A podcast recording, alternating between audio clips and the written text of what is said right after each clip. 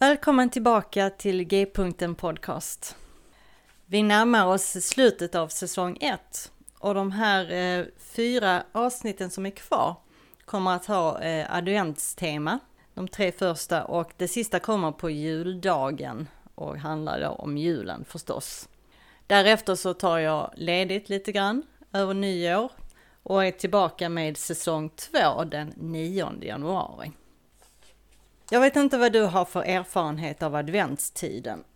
Har du gått, eh, gått eller går i kyrkan så kanske du har fått varje söndag höra de olika rubrikerna i kyrkoårets, eh, kyrkoårets texter.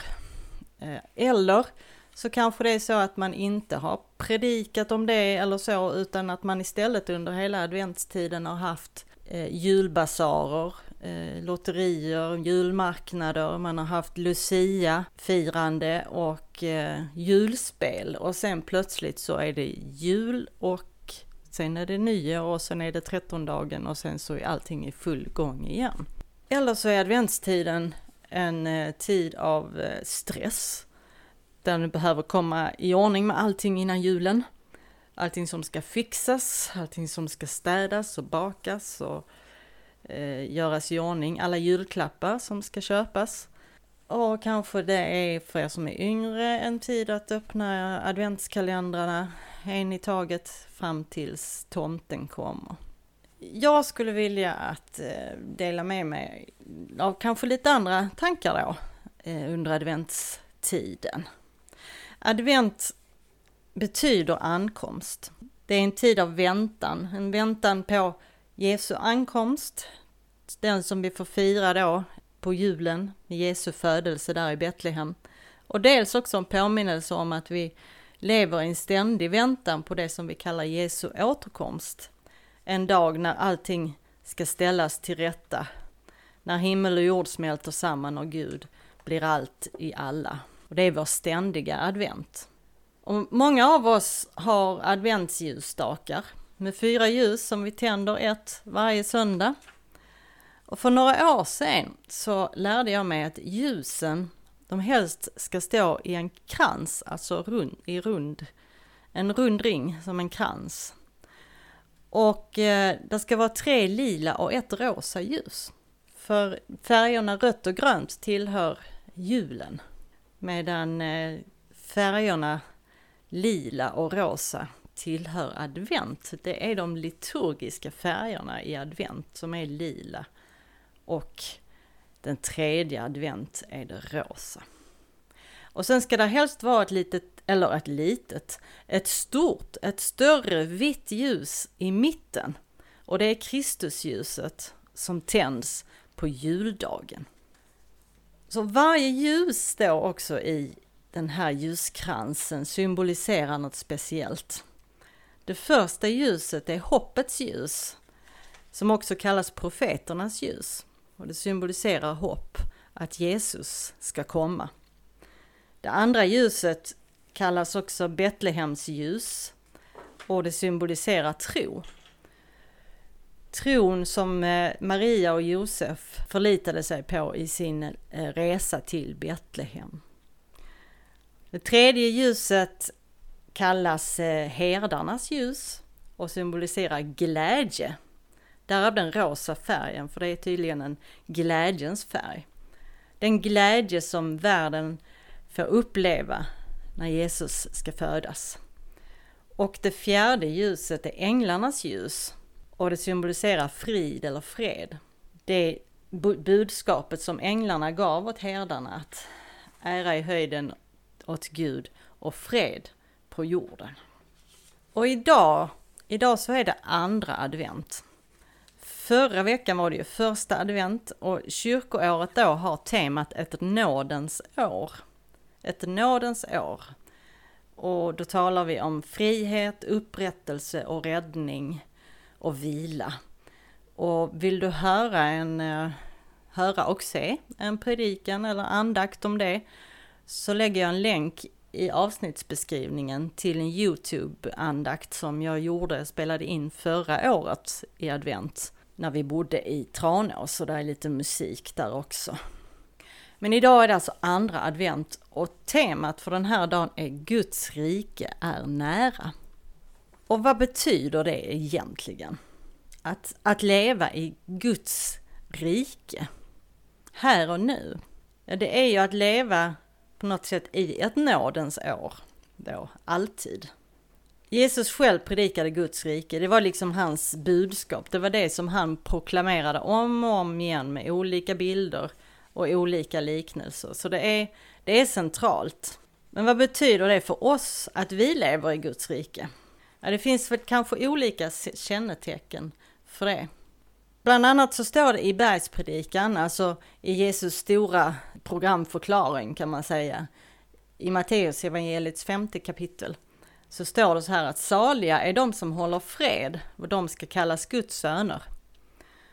Och om man läser det i översättningen The Message så står det så här, samma vers. Lyckliga är ni när ni kan hjälpa människor att hålla sams istället för att konkurrera eller slåss.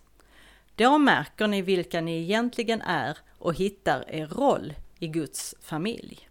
Så att hålla fred och att hjälpa människor hålla sams istället för att konkurrera och slåss. Att vara någon som sår glädje och frid och positivism runt omkring sig och sprider Guds godhet. Det här är väl ändå kännetecken för Guds rike. Jesus säger också, ni är jordens salt. Men om saltet mister sin kraft, hur kan man då få det salt igen? Det duger inte till annat än att kastas bort och trampas av människorna. Och sen säger han att ni är världens ljus. En stad uppe på ett berg kan inte döljas och när man tänder en lampa så sätter man den inte under sädesmåttet utan på hållaren så att den lyser för alla i huset. På samma sätt ska ert ljus lysa för människorna så att de ser era goda gärningar och prisar er fader i himlen. Så förutom att vara de som håller fred och sams så kanske vi kan se till att vara det där ljuset i mörkret för någon. Att krama någon som har det jobbigt. Men nu får det kanske vara lite på distans eller någon annan sorts kram. Men att hjälpa någon som behöver det. Att inte låta sig föras med av strömmen som tycker en massa. Utan att kanske lyssna på Jesus och vara ljuset för varandra. Eller ledstången som leder i mörkret tills man kommer ut i ljuset. För jag tror ändå att världen förvandlas genom en kärleksfull handling i taget. Inom tolvstegsrörelsen, typ anonyma alkoholister, så säger man att man behöver give it away, alltså ge bort eller ge det vidare, det man har fått. Om du vill behålla det du har fått så måste du ge det vidare. Den gåva av glädje, nykterhet, upprättelse som du har fått behöver du ge till någon annan. För det är så den växer och blir starkare. För det är genom att ge som man får. Och ofta är det ju de små gesterna, de där små kärleksfulla handlingarna som gör mest intryck. Precis som gästen i en deg som får degen att jäsa och växa och bli så många, många gånger större. Vi kanske behöver be för varandra om vi gör det.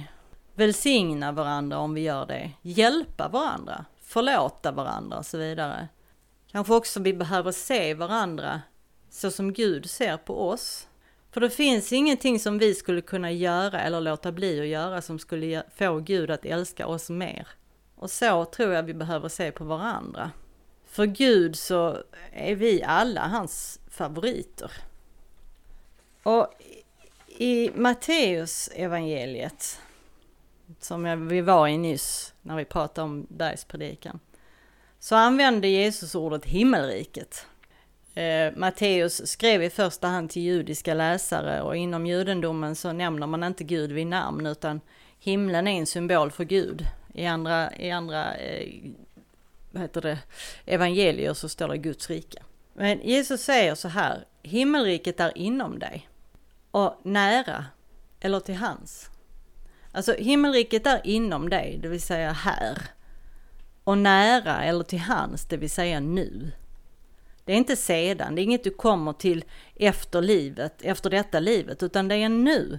Det är en upplevelse som är tillgänglig nu. Du dör inte in i det utan du vaknar in i det. Ett tillstånd av medvetande, ett helt nytt sätt att se på världen som när Lucy går igenom garderoben och ut i Narnia och får upp ögonen för en helt ny värld. Och kännetecken för den medvetenheten är att den inte ser någon åtskillnad. Inte mellan Gud och människor, inte mellan människor och människor. Och det här är Jesu grundläggande lära som ligger till grund för allt han säger och gör. I Johannes evangeliets femtonde kapitel så säger han Jag är vinstocken och ni är grenarna. Bli kvar i mig så blir jag kvar i er. Och några verser senare så säger han Och som Fadern har älskat mig så har jag älskat er och bli kvar i min kärlek.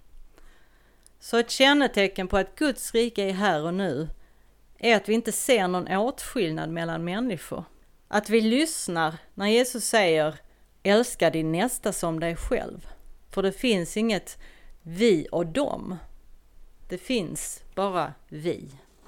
Pastorn och författaren Brian McLaren, som jag för övrigt har fått löfte om att intervjua lite senare i vår. Han har tänkt mycket och djupt på vad Jesus menar när han talar om Guds rike. För han ser det som synonymt med hela evangeliet. Evangelium betyder ju goda nyheter. Och Jesus introducerade ett helt nytt sätt att leva. Ett helt nytt sätt att se på världen. Och han kallade det goda nyheter. Och goda nyheter, det är ju någonting som man bör få veta om. Eftersom goda nyheter ger hopp och läkning och glädje och nya möjligheter. Begreppet Guds rike som är kärnan och centrum i Jesu budskap det är radikalt i den tid som Jesus verkade och det är det också idag. Jesus börjar med Tiden är inne. Tänk om. Ett radikalt nytt sätt att leva är tillgängligt. Ett Guds imperium, ett Guds rike som har kommit. Öppna era sinnen och hjärtan som barn för att kunna ta emot och se saker och ting på ett helt nytt sätt. Följ med av mina ord och gå in i det här nya sättet att leva, säger Jesus. Och för varje sak Jesus uppmanar till så lägger han, eller så undergräver han det sunda förnuftet. Som fanns där i det romerska riket och som finns i samhället idag. Vi ska vara så himla logiska och, och sunda. Och det kan bli så fel. Jag säger inte att det är fel att ha sunt förnuft, för det ska man ju ha. Men det kan ju gå till överdrift också. Han säger så här, hämnas inte när du blir orätt behandlad, utan sök försoning. Återbetala inte våld med våld, utan sök kreativa och förvandlande icke våldsamma alternativ. Fokusera inte på att uppföra dig moraliskt riktigt, utan fokusera på inre förvandling i kärlek. Älska inte bara dina vänner och bekanta och hata eller frukta utomstående, utan välkomna utomstående till ett nytt oss, ett nytt vi, en ny mänsklighet som firar mångfalden med kärlek till alla, rättvisa för alla och ömsesidig respekt för alla. Var inte orolig och sätta pengar, trygghet och njutning i centrum av ditt liv, men lita på Gud. Lämna dig till hans vård. Lev inte för rikedom utan för levande Gud som älskar alla människor, inklusive dina fiender. Hata inte dina fiender eller konkurrenter, utan älska dem och gör mot dem. Inte det som du antar att de skulle göra mot dig, utan som du önskar att de skulle göra för dig.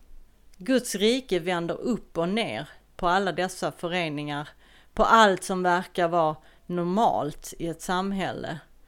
Och hämnd och hot förvandlas till förlåtelse och välsignelse. Och så långt Brian McLarens tankar.